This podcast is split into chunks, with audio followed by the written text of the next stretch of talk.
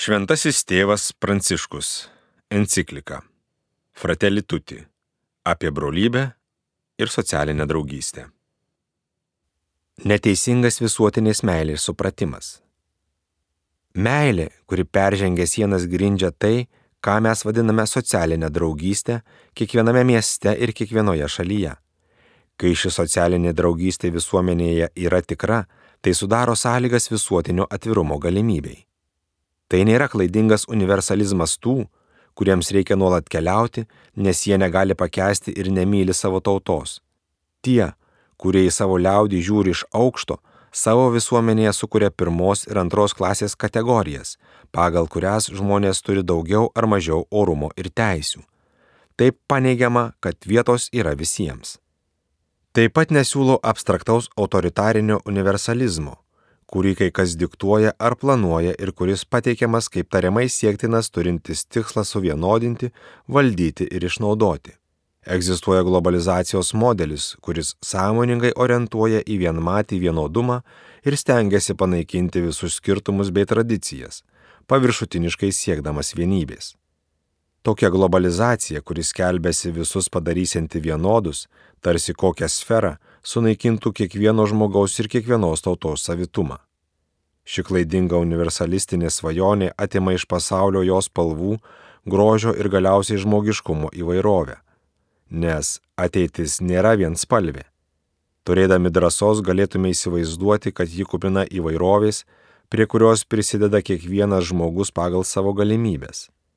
Kaip labai mūsų žmonijos šeimai reikia išmokti darniai ir taikiai visiems draugė sugyventi, nereikalaujant, kad visi būtume vienodi. Ne tik sociumo dalininkas.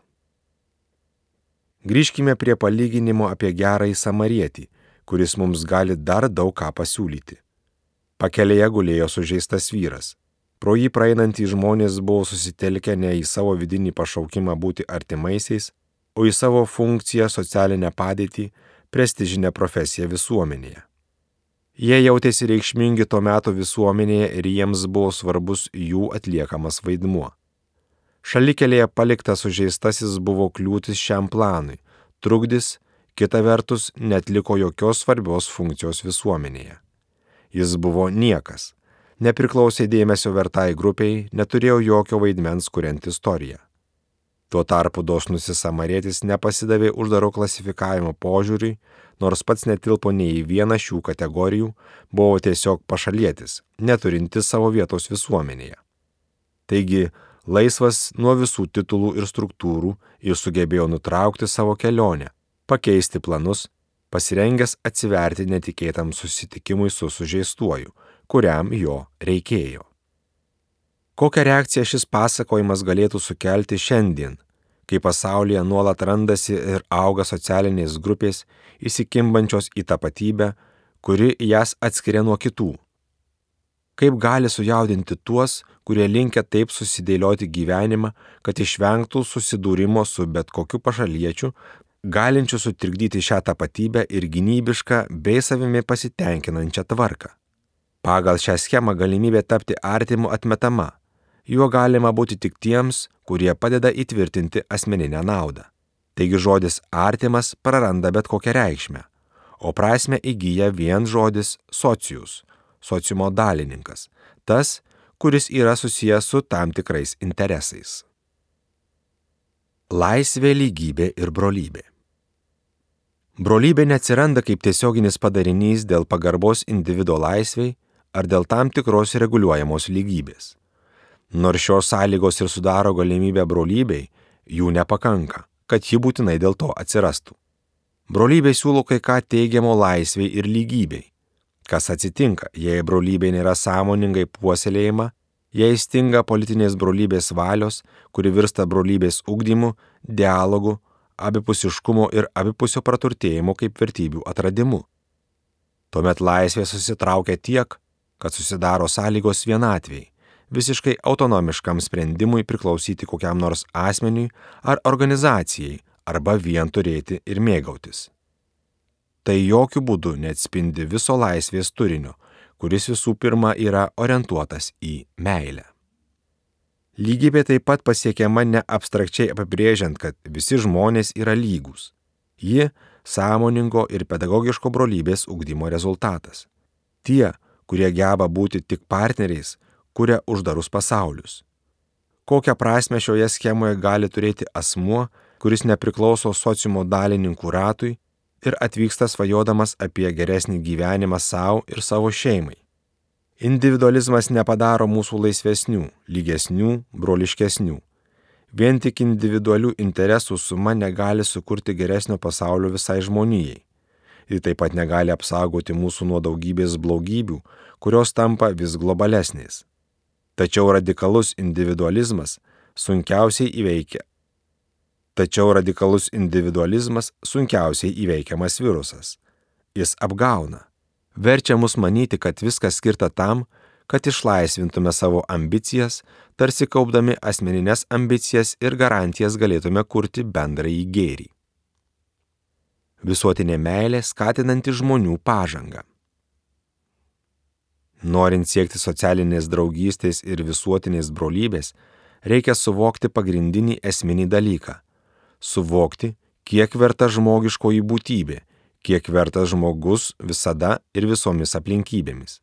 Jei kiekvienas žmogus yra vertas tiek daug, turi būti aiškiai ir tvirtai pasakyta, kad vien faktas, jog kai kurie žmonės gimsta mažiau išteklių turinčiose ar mažiau išsivyščiusiose vietovėse, nepateisina to, kad jie gyvena mažiau oriai. Tai pagrindinis socialinio gyvenimo principas, kurį nuolat ir įvairiais būdais ignoruoja tie, kurie mano, kad jis netitinka jų pasaulyje žiūros ar netarnauja jų tikslams. Kiekvienas žmogus turi teisę gyventi oriai ir visapusiškai vystytis ir ne viena šalis negali paneigti šios pagrindinės teisės. Šią teisę turi kiekvienas, net jei jis nėra produktyvus, net jei gimė ar užaugo su tam tikrais apribojimais, nes tai nesumenkina didžiulio jo kaip žmogaus orumo, kuris priklauso ne nuo aplinkybių, o nuo jo būties vertės. Kai šio pagrindinio principo nesilaikoma, ateities neturi nei brolybė, nei pati žmonija. Yra visuomenių, kurios iš dalies pripažįsta šį principą. Žmonės sutinka, kad visiems būtų galimybių, tačiau priduria, jog viskas priklausys nuo kiekvieno žmogaus. Remiantis šią dalinę perspektyvą nebūtų prasminga dėti pastangas, kad atsilikusieji silpnieji ar mažiau apdovanotieji irgi ko nors pasiektų gyvenime. Investuoti į silpnus žmonės gali nebūti pelninga, gali lemti mažesnį efektyvumą.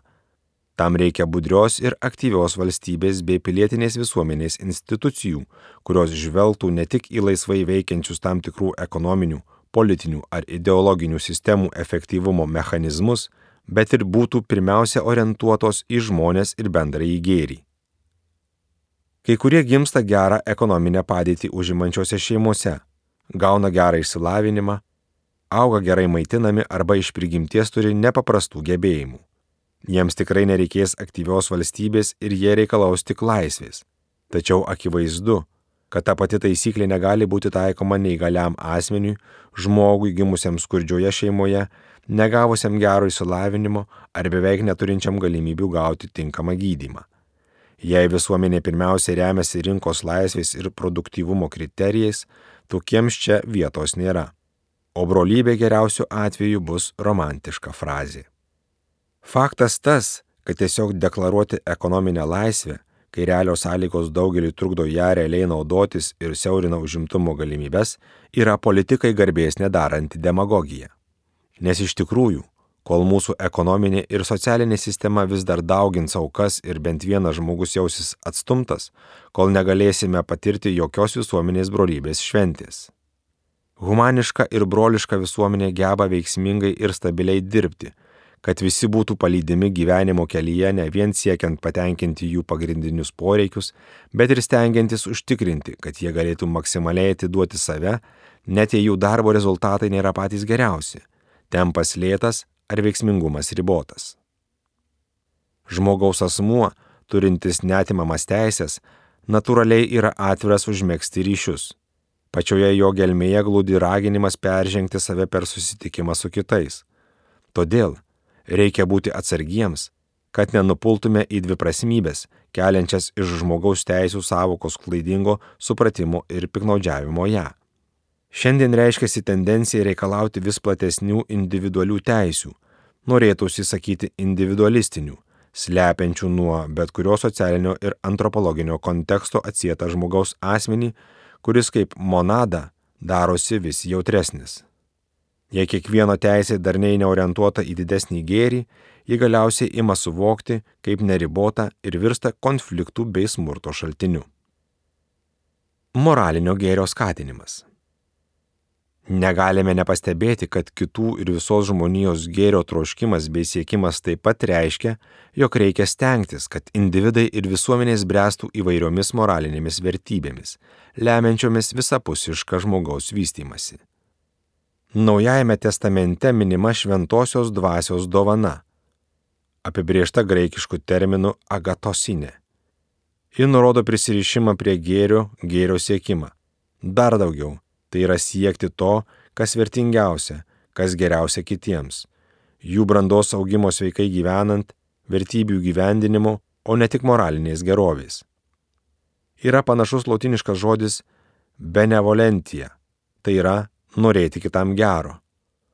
Tai stiprus gėrio troškimas, polinkis į visą, kas gera ir puiku, skatinantis mus pripildyti kitų žmonių gyvenimą gražių, didingų ir ugdančių dalykų. Šiuo požiūriu vėl su liūdėsiu pabrėžiu, kad jau per ilgai kentėme moralinį nuosmukį, pašiepdami etiką, gerumą, tikėjimą, sažiningumą. Atėjo metas pripažinti, jog toks linksmas paviršutiniškumas daug naudos netnešė. Toks socialinio gyvenimo pamatų griovimas baigėsi tarpusavio kova ginant savo interesus. Imkime skatinti gėrį savo ir visai žmonijai ir taip kartu eisime tikro ir visapusiško augimo link. Kiekviena visuomenė turi užtikrinti vertybių perdavimą, nes priešingų atveju perdodamas savanaudiškumas, smurtas, įvairių formų korupcija, abejingumas ir galiausiai gyvenimas uždaras bet kokiai transcendencijai ir grįstas vien asmeniniais interesais. Skaitė Remigijus Endriukaitis.